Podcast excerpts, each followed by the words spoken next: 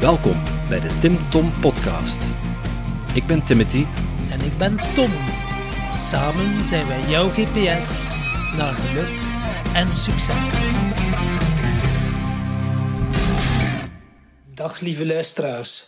Welkom bij Route 7 van de Tim Tom Podcast. In deze aflevering spreken we met Jo Zanders. Jo is afgestudeerd als Vedic Master aan het Chopra Center University, het opleidingsinstituut van Deepak Chopra. Jo neemt ons mee in de wereld van Ayurveda en praat met ons over zijn passie voor meditatie, yoga en pilates.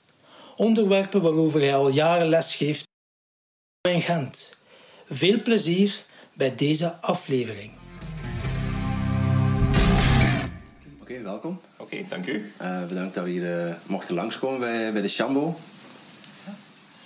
Welkom. Uh, altijd leuk om nieuwe mensen te ontmoeten in Shambo. En de bedoeling van Shambo is sowieso een, een, eh, een oase te bieden voor mensen die zowel aan zichzelf als fysieke persoon, als spirituele persoon, als energetische persoon willen werken. Oké. Okay. en als ik jullie daarin kan helpen, graag. Het past heel mooi bij, bij het thema van onze podcast, denk ik. En hoe ben jij bij Shambo terechtgekomen? Want je bent niet de manager van Shambo, maar je bent hier uh, yoga-leraar. En wat doe je nog meer? Ik ben bij Shambo terechtgekomen in, toen Shambo vier maanden bestond. Ja. Ik had... Uh, ja, heel spannend op een cruise uh, Pilates beginnen doen en ik zocht een uh, centrum om Pilates te trainen. Ja? En Wat is Pilates voor Pilates, onze luisteraars? Pilates is een, uh, een training waarbij heel het lichaam aangepakt wordt. Ja? Dus het is ontwikkeld door Jozef Pilates meer dan 100 jaar geleden. Um, en vandaag zijn er nog altijd honderdduizenden mensen die dat dagelijks trainen. En de bedoeling daarvan is eigenlijk meer controle krijgen over je lichaam, meer respons krijgen over je lichaam. En dus in 2007 ben ik lid geworden van Shambo, ben zelf beginnen trainen. Dan ben ik teacher geworden in Pilates. Ja. Um, en dat vond ik heel tof om te doen, om mensen te helpen om meer respons te krijgen van hun lichaam. Want uiteindelijk denken we, we zijn een lichaam, we hebben een lichaam. Maar als we daar meer en meer mee omgaan, merken we dat we eigenlijk geen idee hebben wat dat ons lichaam is. En waarom dat dat niet doet wat dat we willen. En waarom dat dat van alle soorten dingen doet die we niet willen. En naarmate we meer respons krijgen, een body-mind respons krijgen van ons lichaam en ons lichaam beter aansturen, kunnen we ook um, meer weten hoe we staan in het leven en welke uitstraling dat we hebben in het leven. Dus dat was mijn eerste stap, was eigenlijk Pilates. Okay. Ik vond dat heel tof en in die periode heb ik ook vlot waarom mindfulness mm -hmm. zelf gevolgd. Um, maar ik zelf zit zo wat in elkaar dat als ik iets graag doe, dat ik dat ook andere mensen wil leren. Ja. Dus dat is zo, um, je, kunt, je kunt iets leren en je kunt dan ook iets leren om het andere mensen aan te leren. Dan leer je twee keer eigenlijk. Hè? Leer je twee keer, dan leer je veel dieper. Dus ik wou mindfulness gaan studeren, maar dat bleek uh, niet echt te zijn wat ik zocht. En dan ben ik eigenlijk in het uh, Chopra Centrum for Wellbeing terechtgekomen. Dus dat betekent dat ik dingen ga lezen ben rond Deepak Chopra. Mm -hmm. Deepak Chopra is een van de 100 meest invloedrijke mensen ter wereld. De mens heeft over de 60 boeken geschreven. Um, en is eigenlijk al 35 jaar een van de leading figures rond yoga, meditatie en Ayurveda. Ik ben in 2009 naar Californië vertrokken voor, voor een dag of tien. Ja. Om te kijken, um, is dat een secte of is dat geen secte? En het rare er rond is, ik zag dat het geen secte was en ik ben nooit meer weggegaan. Dus het klinkt een beetje dubbel. Ja, dat het is geen secte dus. Ja. Um, waarom niet? Omdat het een zeer open beweging is. Ja, het is een open beweging waar continu nieuwe dingen technologisch ontwikkeld worden ook op meditatievlak, ook op yogavlak, ook op ayurveda-vlak.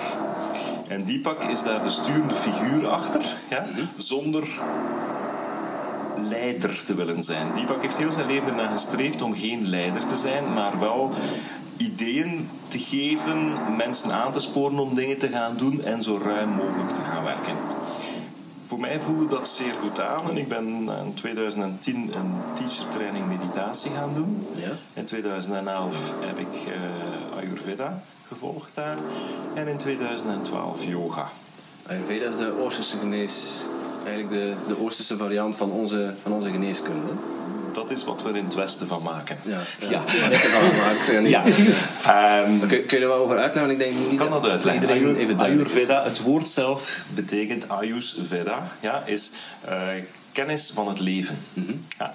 En houdt eigenlijk in dat we kijken naar mensen, ja, hoe ze zoveel mogelijk in balans kunnen zijn met zichzelf. 95% van Ayurveda houdt zich bezig met het dagelijks leven.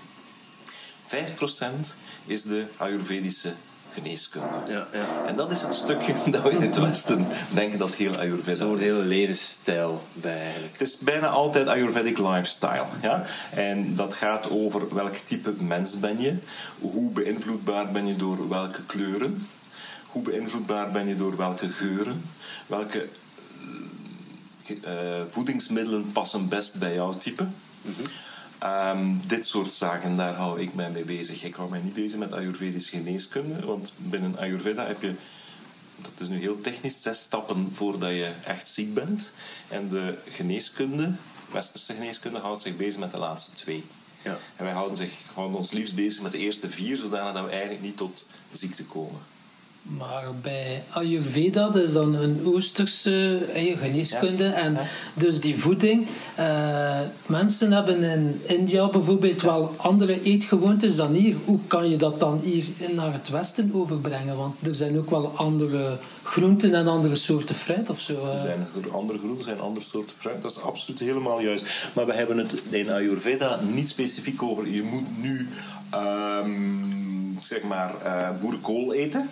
Ja? Maar we gaan het veel ruimer zien. Ja? We gaan zeggen van het is voor jouw type nuttiger dat je kolen gaat eten of voedingsmiddelen die vanuit de bodem komen en minder voedingsmiddelen die onder invloed van de zon zijn gecreëerd. We gaan niet zeggen, jij moet vooral citroenen eten, maar we gaan zeggen, je gaat dingen eten die onder invloed van de zon zijn gekweekt. Dat kan zijn citroenen, kan sinaasappelen zijn, maar dat kan ook tomaten zijn.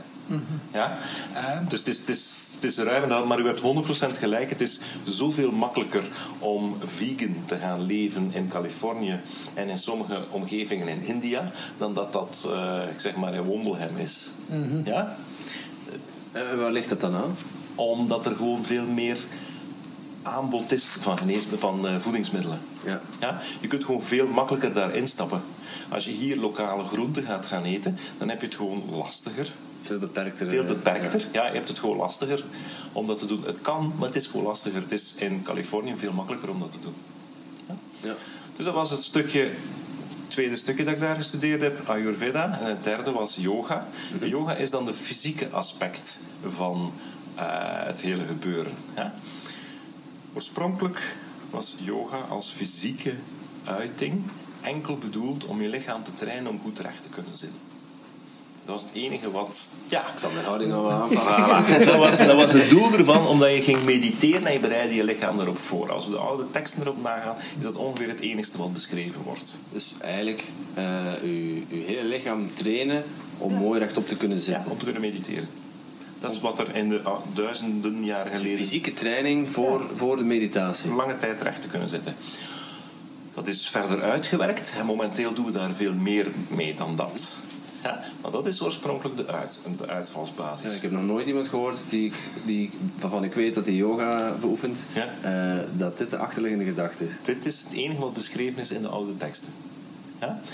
Als we daar verder mee gaan, ja, kunnen we daar veel meer mee doen. We kunnen daar lenigheid mee trainen, we kunnen daar eh, evenwicht mee trainen, we kunnen daar kracht mee trainen. Ja? Wat we met andere sporttakken ook mee kunnen doen. Maar in yoga moet er een basis zijn van zelfbewustzijn. Ja, het is geen sport. Het is geen ehm, training. Ja? Maar het is een groei naar een eenheid. Oké. En dan kom ik veel dichter bij wat jullie oorspronkelijke vraag was. Wat is geluk en wat is succes? Ik kan mij wel bijvoorbeeld voorstellen dat sommige van ons luisteraars nu denken: oh, yoga, meditatie.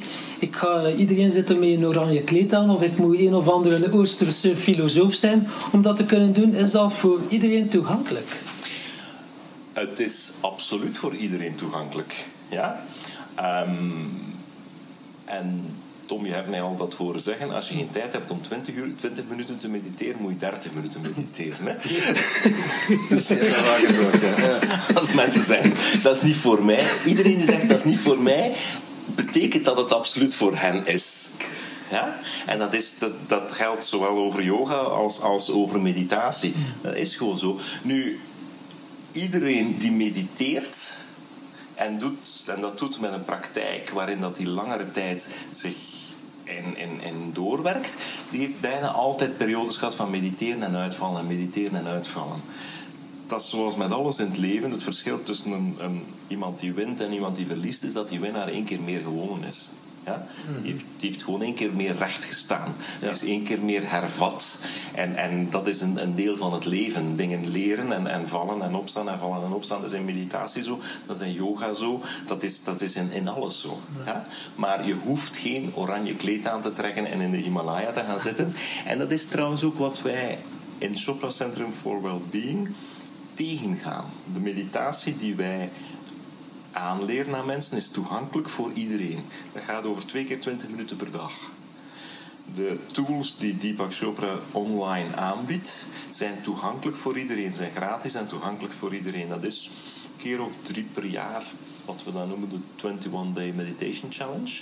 Dat betekent dat je gewoon je registreert daarvoor en je krijgt alle dagen toegang tot een volgende meditatie, waarin Deepak wat uitlegt en waar je 12, 15 minuten mediteert. De doelstelling daarvan is, als je 21 minuten, sorry, 21 dagen na elkaar iets herhaalt, dan zit het in je systeem.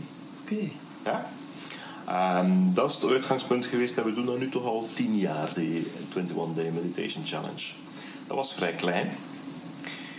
Deepak zijn vriendenkring is vrij groot. En Deepak had het idee, als we nu samenwerken met Oprah Winfrey, dan krijgen we misschien meer volk. En dat was ook inderdaad zo. Dus dat, die, die wisselwerking is er. Deepak heeft nooit schrik om, om, om eh, contacten aan te gaan, connecties te gebruiken, connecties mee samen te werken om het doel te bereiken van zoveel mogelijk mensen te laten mediteren. Dat is, het, dat is niet het einddoel, maar dat is het middel. Ja, en wat is dan het einddoel? Het einddoel is de bewustzijn van heel de aarde, of van heel het universum, zo verhogen dat we tot een betere leefwereld komen. Ja? Een mooie gedachte. Dat, is, dat was het oorspronkelijk uitgangspunt van Maharishi in de jaren uh, 80. Um, en die is verder doorgedragen door, door Deepak. Toen dacht men dat men dat ging bereiken met 7000 mensen. Nu zit Deepak bij zijn laatste telling op 100 miljoen of zoiets. Ja, dat is die moet uh, mediteren. Meer, ja. ja, het is iets meer geworden. Maar het is wel zo dat als we kinderen zouden leren mediteren op school, dat we al een groot aantal problemen zouden vermijden. Ja, voor henzelf en voor hun wisselwerking met de omgeving. En kun je daar een voorbeeld van geven? Wat voor problemen zouden ze dan kunnen vermijden als we jonge kinderen leren mediteren? Als we jonge kinderen leren mediteren, gaan ze dat zien als iets dat, dat belangrijk is voor hen. Ja? Um, dat hen stilte biedt en dat hen terugbrengt tot hun essentie, tot hun zijn en niet tot hun doen. Uh, als we kinderen continu laten dingen doen en aanmoedigen om altijd maar meer te doen en te doen en te doen, dan gaat dat ten koste van hun zijn. Ja. En dan gaan ze ook andere mensen gaan zien als anderen die dingen doen, in plaats van anderen die dingen zijn. Of andere mensen die een, een, een wezen zijn en niet een handeling. En op het moment dat kinderen zo gaan, gaan kijken naar zichzelf en naar anderen, gaan die rustiger om met zichzelf, met anderen. En gaan die ook veel beter in lijn met wat ze echt willen functioneren, dan in lijn met van wat de anderen willen van hen. Dat is een basisbeginsel waardoor je eigenlijk heel de maatschappij naar boven zou kunnen helpen. Ja. Anderzijds, als je mensen laat mediteren in grote groepen, dan hebben we het echt over echt grote groepen, dan creëer je een, uh, een betere omgeving voor henzelf, maar ook allen daar rond. Het is wetenschappelijk uitgemeten dat wanneer je grote groepen laat mediteren, dat het misdadig pijl van de omgeving daalt. Men heeft daar geen wetenschappelijk reden voor, maar dat is talloze keren uitgemeten en dat werkt. En het moeten mensen zijn in dezelfde ruimte of in een, In dit, geval is bepaalde dat in, dezelfde, in dit geval is dat in dezelfde ruimte, omdat men het in een wetenschappelijke omgeving wil gaan doen. Ja? Ehm, maar er zijn tal van onderzoeken geweest dat meditatie voor uzelf belangrijk is, maar ook voor de leefwereld rond u. Een soort collectief bewustzijn. Collectief bewustzijn, maar niet alleen voor de mensen die ermee bezig zijn. Ook energetisch voor de mensen die er rond zitten. Ja? Dus in die zin, hoe meer mensen mediteren, hoe meer we naar een netwerk gaan, hoe meer we het, het bewustzijn van heel de wereld omhoog kunnen helpen. Onbewust zelfs. Onbewust, Zeg je. ja. Want Ja. er zijn ook mensen die daar niet, mee bezig zijn, maar dan binnen die, ja, moet ik dat zien, binnen die invloedssfeer wonen, leven, Ja. zijn. En die daar dus ook positieve effecten van Ja. ondervinden. Maar u kunt dat zelf ook ervaren. Stel dat u binnenkomt in een ruimte ja, waar juist ruzie is geweest. Dan gaat u dat aanvoelen. Ja. Ja? Ja. Dus als u dat negatief kunt aanvoelen, is er geen enkele reden om aan te nemen dat je dat niet positief zou kunnen aanvoelen. Ja, voel dat er zo wat, zoals ze zeggen, spanning in de lucht Ja, hangt. Ja. terwijl dat niemand gezegd heeft wat er gebeurd is. Dus als dat negatief kan, kan dat positief ook. Dat zijn gevolgen van meditatie. En eh, Deepak Chopra, ja, ik kan me herinneren, een van zijn bestsellers, De Zeven Spirituele Wetten van Succes. Ik denk dat het mijn eerste boekje is dat ik gelezen heb in mijn zoektocht naar spirituele ontwikkeling en persoonlijke ontwikkeling. Die zeven wetten. ehm, jij past die toe in je dagelijks leven? Of, en Ja. kan je ons daar iets over vertellen? Of hoe kunnen mensen starten om die zeven spirituele wetten eh, te leven of te integreren? En wat zijn ze? wat ik wel zijn ze? naar. Ja. Wat zijn ze? Ehm, de zeven spirituele wetten zijn zeven basisregels van het universum. Hoe functioneert het universum? Ja? Ehm, en, en zonder hier in detail ze alle zeven te gaan opnoemen en dan te gaan uitwerken. Ja? Ehm, kunnen we bijvoorbeeld zeggen, standaard start Deepak op zondag met te zeggen... ehm, ik ben een veld van mogelijkheden. Ja? Ja. Dus dat betekent dat je eigenlijk een oneindig veld van mogelijkheden bent, dat je zelf en je omgeving beperkt heeft door je eigen verhaal en door de verhalen van de omgeving en de verhalen van heel de wereld. Daardoor ben je beperkt. Uiteindelijk, onze gedachten zijn onze enigste beperking. Ja. ja. Onze gedachten omdat we ze geloven. Ja. Ehm, als we daar een beetje afstand van nemen, dan merken we dat we eigenlijk veel meer kunnen. Ja? Als we kijken naar onszelf en gewoon al zeggen van ehm, dat ligt niet in mijn mogelijkheden, want in mijn familie deden ze dat nooit zo, dan is dat heel beperkend ten opzichte dat we veel meer zouden kunnen doen. Dat is een heel kort door de bocht beschrijving ervan. Wanneer we starten met in onze meditatie te zeggen van kijk, ik ben een, veld, een oneindig veld van mogelijkheden. Ja? Ik ben niet mijn beperking, ik ben mijn mogelijkheden. Dan starten we vanuit een heel ander blik. ja, met een open perspectief. Een open perspectief. Dat is een van de punten om gelukkig te zijn. Dat is vertrekken vanuit een overvloed en niet vanuit een beperking. Ja? Als we vanuit schaarste denken, dan worden we heel erg ongelukkig. Als we vanuit overvloed denken, zitten we nog altijd in dezelfde leefwereld, maar we worden niet meer ongelukkig. We kijken naar de mogelijkheden en niet naar wat er niet is. Ja? Dat is eigenlijk een voorbeeld van de eerste wet, wetswet van eh, Infinite Possibilities. Andere, dus de maandag, eh, geven en ontvangen. Ja, dat betekent dat heel de wereld en heel het universum een vorm is van wisselwerking. Ja, maar het is geven en ontvangen, het is niet geven en nemen. Het lijkt een klein verschil, maar dat is een gigantisch groot verschil. Ja, het enige wat gebeurt is eigenlijk, er is altijd iets of iemand dat geeft. Er is niet iemand die neemt. Ja? Als er iemand geeft, dan is er iemand anders die ontvangt. Die ontvangt wat er je gegeven wordt. Ja. En dat is een basisuitgangspunt, dat is de maandag. Ja. Hij wordt gerelateerd met, met het hartchakra. Ja. Eh, dat is een basisuitgangspunt voor zekerheid te hebben dat alles in orde komt. Ja, het vertrouwen in jezelf. Vertrouwen in jezelf, maar ook vertrouwen in wat er allemaal rond je gebeurt. Ja, ja. En dat hangt waarschijnlijk, en je hoort al het verhaal komen, het hangt goed samen met het vorige, de overvloed. Ja? Als je vanuit schaarste denkt, dan denk je, ik moet zorgen dat ik moet nemen. Maar als je vanuit overvloed denkt, dan is er gewoon genoeg. Ja, en dan ben je eerder geneigd om Dan ben je geneigd geven. om te geven. ja. En naarmate je meer geeft, naarmate je merkt wat er allemaal in jouw richting komt. Dus hoe meer mensen jou terug gaan geven, eigenlijk. Hoe meer je merkt dat er van alles naar je toe komt. Ja. Er bestaat een, een anekdote over. eh, Mahatma Gandhi heeft heel zijn leven getraind om niks te hebben. Maar die man kreeg zodanig veel van iedereen dat hij mensen in dienst had om alles wat hij kreeg weg te geven. En die kregen die rond. Die, die bleef maar geven en die bleef maar toestromen. Eh, dat is een anekdote, maar ik bedoel, het, is, het is mooi in dat kader. Dus, dus dat zijn verschillende wetgevingen. En zo heb je eigenlijk iedere dag een andere wet. Ja? Je hebt een, een, een wet van eh, Dharma. Dat betekent, eh, wat is mijn uniek doel in het leven? Ja? Dat is een dag waar je je daarmee gaat bezighouden. Er is ook een dag van karma. Karma betekent handeling. Ja? Wat zijn mijn keuzes? Wat zijn de gevolgen van mijn keuzes? En, en hoe voel ik mij daarbij? Ja? Ehm, dat is een dag waar je beseft dat je zelf heel veel aandoet. Ja. Niet door je handeling, maar door je spijt over je handeling. En je spijt over je handeling die je wel gedaan hebt en je spijt over je handeling die je niet gedaan hebt.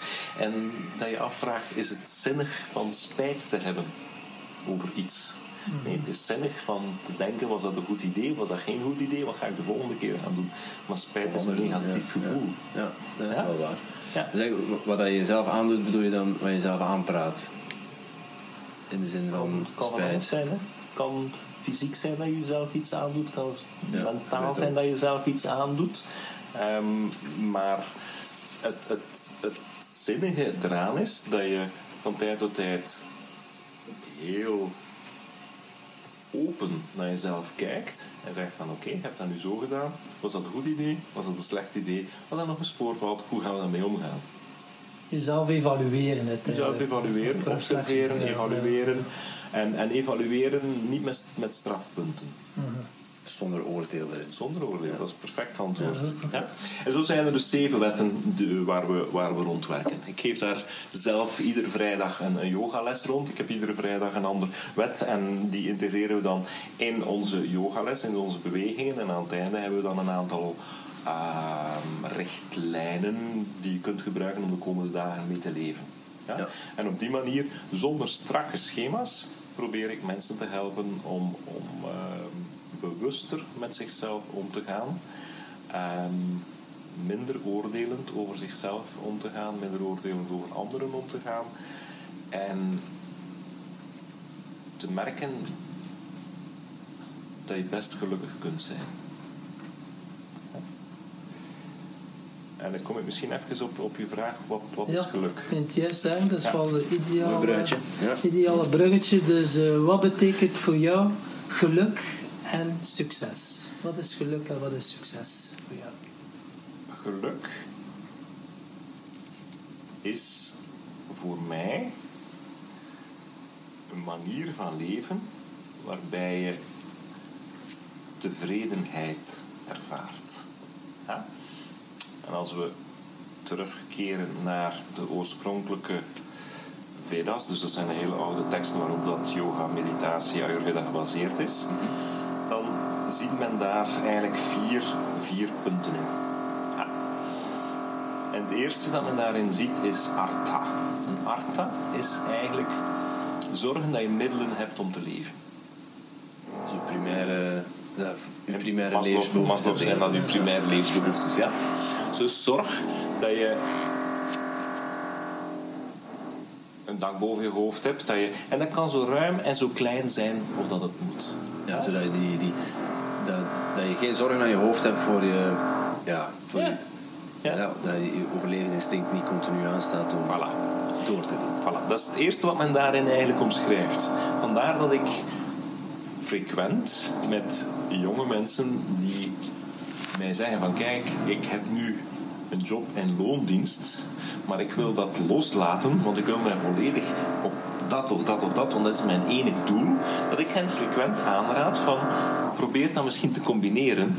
Want op het moment dat je zorgt voor je artha, dan ben je rustiger om te werken aan je dharma, aan je levensdoel.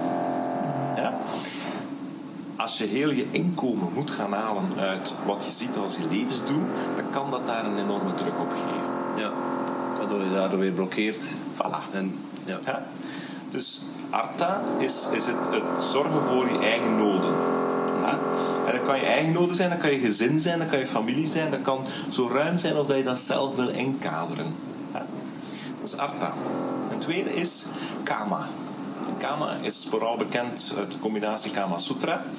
Maar kama betekent eigenlijk plezier, een aangename houding hebben. Ja. Ergens met een positieve blik naartoe kijken. Ja. Dus het eerste is zorgen dat je je levensbehoeften hebt. Het tweede is dat je positief naar iets kunt kijken. Ja. Dat je niet continu op een negatieve manier. Dat betekent dat we soms psychologisch wat ondersteuning zullen nodig hebben. Ja? Want we hebben soms negatieve beelden over onszelf, we hebben negatieve beelden over de omgeving. Soms moeten we ons daar wat in herkaderen. Heeft dan te maken met onze conditionering. Alles wat we meegemaakt hebben, door welke bril dat we kijken. Ja. Ja. Ehm, als iemand opgroeit en er is continu iemand die naast hem zegt: Je bent dom. Dan ga je dat tot de duur zeggen: Ja, die zal wel gelijk hebben. Zeker, ik heb dat nu al zo vaak gehoord. En niet alleen zal die, zul je denken: die zal gelijk hebben, maar je zult dat in je eigen hoofd ook continu zeggen. We krijgen ongeveer 30.000 instructies als we kind zijn. Ja, ongeveer. Maar iemand heeft dat ooit eens geteld, 30.000 instructies. Dat is gigantisch veel. Ja, dat, hoe dat we geprogrammeerd zijn. Ja, ja. En die herhalen we eindeloos. Dat heeft men nog niet kunnen tellen hoeveel dat we keer dat we dat herhalen. Maar als we daar kunnen wat afstand van nemen en zeggen van oké, dat was in dat kader misschien goed, maar in het huidige kader is dat niet meer zo. Ja? Als we die kader dingen kunnen plaatsen, sommige mensen kunnen dat zelfstandig doen, andere mensen hebben daar wat hulp voor nodig. Ehm, dat kan het lezen van een boek zijn, dat kan een online hulp zijn, dat kan een therapie zijn, dat kan een begeleiding zijn, dat kan een gesprek zijn, dat kan een familie zijn, dat kan van alles en nog wat zijn. Maar het doel is dat je op een relatief rustige, aangename manier in het leven staat. Ja. Als we dat hebben, Ja. kunnen we naar ons dharma gaan. En ons dharma is... Een van de uitspraken is, wat is mijn levensdoel in het leven? Ja, maar dat is al gigantisch groot. Mijn levensdoel, dan begint iedereen al te trillen en te schudden. Dan wat kan het zijn? Wat is bijvoorbeeld jouw levensdoel? Mijn levensdoel is ehm, mensen helpen om, hun, om gelukkiger te zijn door hun bewustzijn eh, meer kansen te geven. Ja? Ik denk dat dat de beste samenvatting is ervan. Ja? En om dat te bereiken moet ik tijd besteden aan mezelf. Om zelf mijn bewustzijn te onderhouden. Ja? Ehm, en om zelf de, de juiste stappen te zetten om anderen te kunnen helpen. Ja? Om het zeer toegankelijk te maken, zodat iedereen erin kan stappen. Om mensen van het beeld af te helpen dat ze moeten in de Himalaya gaan zitten in een oranje doek. Eh, terwijl het Himalaya heel mooi is, maar niet iedereen hoeft daar gaan zitten. Het is niet zo herbergzaam. Ja? Dus dat is het dharma. Maar het dharma kan heel klein zijn. Ja? Het dharma kan bijvoorbeeld eh, zijn... ehm,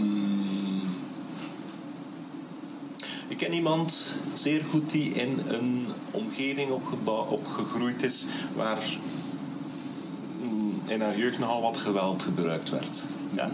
En ik ben ervan overtuigd dat haar dharma was dat geweld niet verder zetten. En die heeft er ook voor gekozen om ehm, naar haar kinderen dat niet te doen. En dat is ook een dharma. Ja? Dat is niet wat wij meestal zien als dharma. Maar dat is een dharma.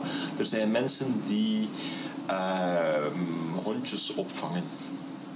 Er zijn mensen die gewoon zorgen dat hun kinderen gelukkig thuis kunnen komen. Ja? Er zijn andere mensen die een Nobelprijs voor de vrede winnen. Ja? En iedereen heeft zijn eigen stukje, zijn eigen puzzelstukje om de wereld te verbeteren. Ja. De makkelijkste samenvatting van Dharma is: How can I help? How can I serve? Hoe kan ik je- helpen? Hoe ja. kan ik van dienst zijn? Ja, zo kun je de wereld eigenlijk een stukje beter maken. Ja. Zonder daar continu voor op je eigen schouder te kloppen. Ja, zonder de erkenning daarin te zoeken. Zonder de nood aan erkenning. Ja. Ja?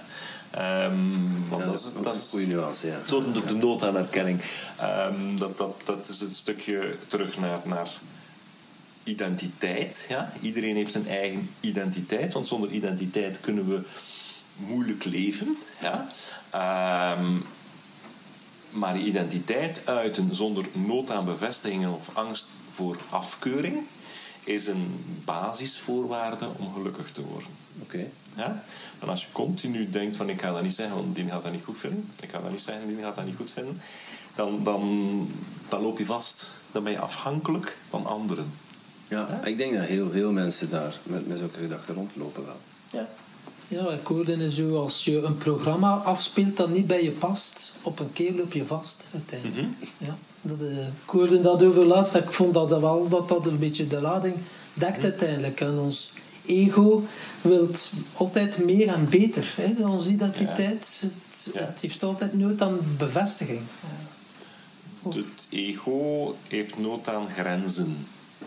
Ja? Ehm, en ik stel voor dat we binnen twee minuten op ego komen. Ja? We hebben, we hebben Arta gehad. We hebben Artha Kama gehad, we hebben Kama gehad, we hebben Dharma. Gehad. En laatst is moksha. Moksha is bevrijding.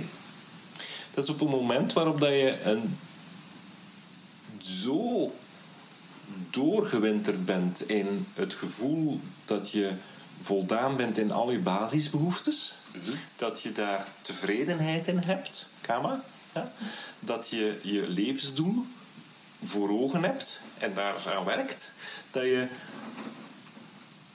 eigenlijk volledige overgave krijgt. Ja? En dat je niet meer die extreme hoogtes en die extreme dalen hebt. Je hebt niet meer eh, haat en je hebt niet meer totale verliefdheid. Maar je hebt een, een, een middenstroom waar je eigenlijk bevrijd bent van al het getrek en gesleur van het ego. Ja? Ja? je bent dat getouwtrek kwijt. Ja? Als iemand u zegt, ik bevind mij nu in het vierde stadium in moksha, dan moet je hard weglopen. Want dat is een ego-uiting. Eh, kun je uitleggen? Ja. Moksha Ja. gaat erover dat je de eisen van het ego achter je gelaten hebt. En als je jezelf gaat gaan definiëren als ik heb de eisen van mijn ego achter mij gelaten, dat is een definitie van een ego. Ja. Dus als je iemand tegenkomt en die zegt: Ik ben uw guru, hard weglopen. ja? Uiteindelijk ben je eigen guru. Ja? Als iemand zegt van: Goh, door meditatie, door meditatie ben ik zo gigantisch vooruit gegaan in het leven, dat is goed. Je kunt vooruit gaan en ik heb dat en dat en dat level bereikt. Dat is aangenaam voor die personen, maar er is weinig kans dat er veel interactie zal zijn. Ja? door de vier stadia van geluk, Artha, En Moksha te doorgroeien. En dat is niet, niet level. hè. Het is geen videogame waar je level 1, level 2, level 3. Ze werken door elkaar, ze volgen elkaar wat op. De eerste twee ondersteunen de derde, de derde ondersteunt de vierde. Maar dat is een, een fluido. Je gaat van het ene door naar het andere. Eigenlijk, je moet- eerst je levensbehoeften vervullen. Daar, daar start je mee. Ehm, vervolgens ontdekken waar je, waar je blij van wordt. En, en een positieve houding aannemen. Ja. Ehm, leven naar je, ja, naar je levensdoel. En je ego kunnen loslaten. Ja. Ja, dat is heel kort samengevat. Ja. Heel, heel kort In samengevat. een Ja. notendop, ja. ja. En dan komen we, wat is het ego? Ja. Het ego omschrijft zich door bezittingen en posities. Ja? Het ego heeft het idee dat het het meest continue is van uw leven. En het ego is het meest wijzigende van uw leven. Ja? Als Dat ik is tegenstrijdig eigenlijk. ja, ja, maar het ego is daar niet van overtuigd. Ja. we hebben een ego nodig. Ja? Het ego geeft ons de mogelijkheid om onze stappen te zetten in deze manifeste wereld. Ja, manifeste wereld betekent alles dat een begin, een en een einde heeft. Ja, is manifeste wereld. En daar heb je ook het ego in. Ja? Het ego probeert bijvoorbeeld een nalatenschap te hebben. Het ego probeert een indruk te maken op alles en iedereen. Probeert dat er lang nadat we er niet meer gaan zijn, waar het ego niet van overtuigd is, toch nog over ons zal gesproken worden. Het ego heeft daar nood aan. Ja? Wil zichzelf om, omschrijven als bezittingen en posities. Ja? Ehm, als ik vraag aan mensen, definieer jezelf, dan zeggen de meeste mensen waar ze wonen, wat ze doen, ehm, eventueel wat hun familie is. Mensen definiëren zich door te zeggen, ik ben moeder, ja? of ik ben dochter. Maar als je zegt, ik ben moeder en dat is een onderdeel van je ego, dan is de vraag, wat was je voor je kind geboren werd? Geen moeder. Ja. Ja? Dus de verhankelijkheid ervan. De rollen, ja. De rollen. Ja. Het zijn rollen. Ja? Dat is hoe je je op dat moment identificeert eigenlijk ook. Hoe je identificeert. Ja. Nu, naarmate je gaat mediteren en in meditatiepraktijk stapt, ja, merk je dat rollen, rollen zijn belangrijk. Ja? Hiërarchie is in omgevingen belangrijk om iets te realiseren. Ja? Maar het bewustzijn dat het maar een rol is, is ook belangrijk. Ja. Als je zelf gaat vereenzelvigen met een rol, dan krijg je zeer gekke situaties. En dat is niet opbouwend voor de wereld. Het ego heeft wel- degelijk een functie om je plaats in de maatschappij te vinden en ja, daarin te, te overleven eigenlijk ook. Eh, binnen Ja. de maatschappij. Ja. Ehm, maar toch moet het opzij zetten Toch moet je weten dat het. het eh, om gelukkig te zijn. niet? je, moet, je moet het kennen. Je moet Je het moet het herkennen kennen, als het, in, hang, als, als het in, in actie schiet. Ja? Je moet En- af en toe misschien Opzet- toeschouwer zijn. toeschouwer zijn. Toeschouwer ja. zijn Naarmate je meer meditatiepraktijk hebt, naarmate je van tijd tot tijd jezelf ziet tekeer gaan. Mhm. Ja? Ehm, dat is het verschil wat we noemen tussen antwoorden en reageren. Ja? Ehm, het, de tegenhanger van het ego is de ziel, zullen we dat noemen. De, in de Sanskriet term is atma. Ja? De ziel, dat is het, het, het, het stukje dat voor en na onze dood blijft bestaan. Ja? Maar bestaan zonder begin, einde en ja, niet manifest. De Vedas omschrijven dat als een vogeltje dat gewoon zit rond te kijken naar wat er gebeurt, terwijl dat het ego continu van de zure en de zoete vruchten zit te eten en op alles commentaar heeft. En weet, als je weet dat die twee zaken in ons bestaan, dan groeien systematisch meer naar de stille observator, gaan we die noemen, en weg van dat vogeltje dat continu op alles moet commentaar geven, dat ook van iedereen commentaar krijgt, en dat zichzelf moet omschrijven door alles wat het heeft en is.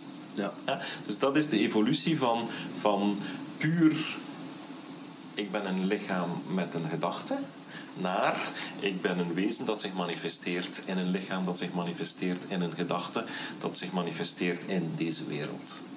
Ja, maar dat niet gedefinieerd wordt door het lichaam. Als ik mijn lichaam nu omschrijf als zijnde een lichaam met twee benen en twee armen, ja, dan kun je de vraag stellen: als ik straks wegrijd met mijn auto en ik heb een auto waarvan ik heb twee benen minder, dan ben ik nog altijd mezelf. Ja. En ik weet niet meer lopen. Ja. Dat klopt, maar ik ben nog altijd mezelf. Ja. Ja? Dus dan krijgt je ego een deukje en dan moet je jezelf wel Dat weer moet je aanpassen. Ja. Ja?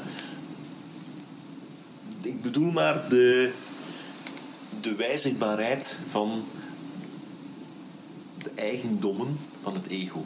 Mhm. En de posities van het ego. Ja. Je kunt nu rijbewijs hebben, maar je kunt die binnen 10 minuten kwijt zijn. Je kunt nu een job hebben, maar je kunt die binnen 10 minuten kwijt zijn. Je kunt ook een keuze maken om een andere job te gaan doen. Dus ons lichaam is eigenlijk het voertuig dat we gebruiken om te kunnen leven. Eén van. Ja, onze, ons denkvermogen is dat ook. Ja? Ons lichaam en ons denkvermogen geven ons de mogelijkheid om te ervaren. En dan komen we in een volgende stap van geluk. Ja? Geluk wordt niet veroorzaakt door wat je wat op je pad komt. Geluk wordt veroorzaakt door de manier waarop je reageert op wat op je pad komt. Je kunt een broer hebben die exact dezelfde opvoeding heeft gekregen en die daar op een totaal andere manier mee is omgegaan. Ja. Ja? Kan positief, dat kan negatief zijn, maar die totaal anders mee omgaan. Met andere woorden, de ervaring van wat op je pad komt is bepalend voor hoe je je gaat voelen en niet wat er op je pad komt. We kunnen daar een tijd op doorgaan van als dat telkens hetzelfde is wat op je pad komt, dan moet je misschien een andere keuze maken. Dat klopt. Ja, maar als het altijd leuk is, dan hoef je misschien geen andere keuze te maken. Dat kan ook voorvallen. We kijken heel vaak naar de negatieve dingen, maar de positieve dingen mogen we ook gaan bekijken. Maar we zijn in wezen als mens is het ons doel om te ervaren en door die ervaring bij te leren. Ja? Dus ons lichaam en ons denkvermogen zijn methodes om wat wij in onze zintuigen hebben te interpreteren, om daar een ervaring van te maken. Ja? Niemand heeft vandaag door hoe wij kijken. Dat is een, dat is een mysterie. Ja? Maar het is wel onze ervaring. Als je daar wat meer wil over lezen, Deepak heeft 6 oktober een nieuw boek uit, MetaHuman, is al vertaald in het Nederlands. Maar dat gaat daarover. Over hoe gedefinieerd zijn we door ons lichaam, hoe gedefinieerd zijn we door wat we denken te voelen, te zien, te horen. En, en hoe kunnen we dat transcenderen?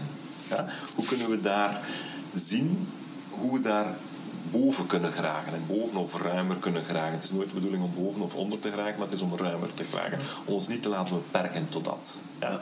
Dus dat is die evolutie waar we het over hadden van mens, gedefinieerd als een human doing, naar een human being, naar een being. Ja? En gelukkig en succesrijk ben je als je je niet meer definieert op basis van afkeuring of goedkeuring, maar op basis van ik voel me goed in wat ik doe, ik ben tevreden met wat ik heb en mijn doelstellingen, alle vier, zie ik vooruit gaan. En als we dat zien als geluk en succes, dan zijn we al een heel eind vooruit. Ja. Dus mag, mag ik dat samenvatten? Dat vooruitgang op die vier eh, hoofdthema's. Ja. eh, Vier. Purushartha. Ja. Dus de vooruitgang daarin, Ja. mag ik dat definiëren als succes Ja. in uw optiek? Ja. Absoluut. Absoluut. Ehm, en daar ga ik nog iets aan toevoegen. Ehm, het, het is een persoonlijk gevoel. Geluk is een persoonlijk gevoel. Ja? En we hebben op geen enkel moment de, het recht om iemand te veroordelen op hun interpretatie van die vier aspecten. Ja? We kunnen daar naar kijken en naar observeren. En we kunnen soms mensen een hint geven. Ja? Maar een van de eerste dingen die ik onthouden heb van Deepak Chopra is dat je niemand veroordeelt op hun bewustzijnsniveau. Ja? Je kunt mensen tools en skills aanleren, maar op het moment dat je mensen veroordeelt op hun bewustzijnsniveau, ja, ehm, ben je niet goed bezig. Want dan stel je jezelf boven anderen. Uiteindelijk, ah ja, uiteindelijk is het oordeel zo min mogelijk en neem zo zuiver mogelijk waar. Het heeft geen zin te oordelen. Ja. Het enige doel van te oordelen is jezelf promoten. Ja? Deepak heeft als enige stelregel naar zijn twee kinderen altijd gesteld: je bent nooit boven iemand en je bent nooit onder iemand. En als we dat als uitgangspunt hebben, dat betekent niet dat we niet iemand kunnen helpen, maar dat betekent wel dat we niet iemand naar boven trekken. En dat we daar nooit boven staan. Ja? We helpen mensen in de evolutie naar hun geluk. Maar we plaatsen ons nooit boven en ook nooit onder iemand. Vandaar dat we streven naar een identiteit die zich niet defi- definieert door angst voor afwijzing of door nood aan bevestiging. Want dat is ook weer boven en onder. Ja. Hè? Jezelf is mooi genoeg om te zijn. Ja? Stel dat je je moet aanpassen aan de wensen van anderen. Ja? Er is een heel grote kans dat die anderen waar ze u in willen dwingen, dat die al bestaat. Dus die is er al. Er is geen enkele nood om dat te worden. Wees gewoon jezelf. En soms zijn mensen niet akkoord met je. Dat is inderdaad zo. Ja? En soms zijn ze wel akkoord met je. En dat is inderdaad ook zo. En soms heb je ook verplichtingen zoals jij, want binnen vijf minuten moet je op de Pilatesles zijn. Dus gaan we dit boeiende gesprek eh, moeten afronden. Met een Eh, kleine aanpassing, Tom. Ik mag lesgeven. Ik mag lesgeven. Gezegd. Oké. Eh, het concept wat we ook doen is de volgende gast die we hebben. eh, bij jou was het nu uitzonderlijk niet, maar normaal gezien krijgt hij een vraag van de vorige gast. Dus jij mag een, een vraag stellen. Dat is dan de eerste vraag voor onze volgende gast. Wat zou je graag eh, als vraag stellen?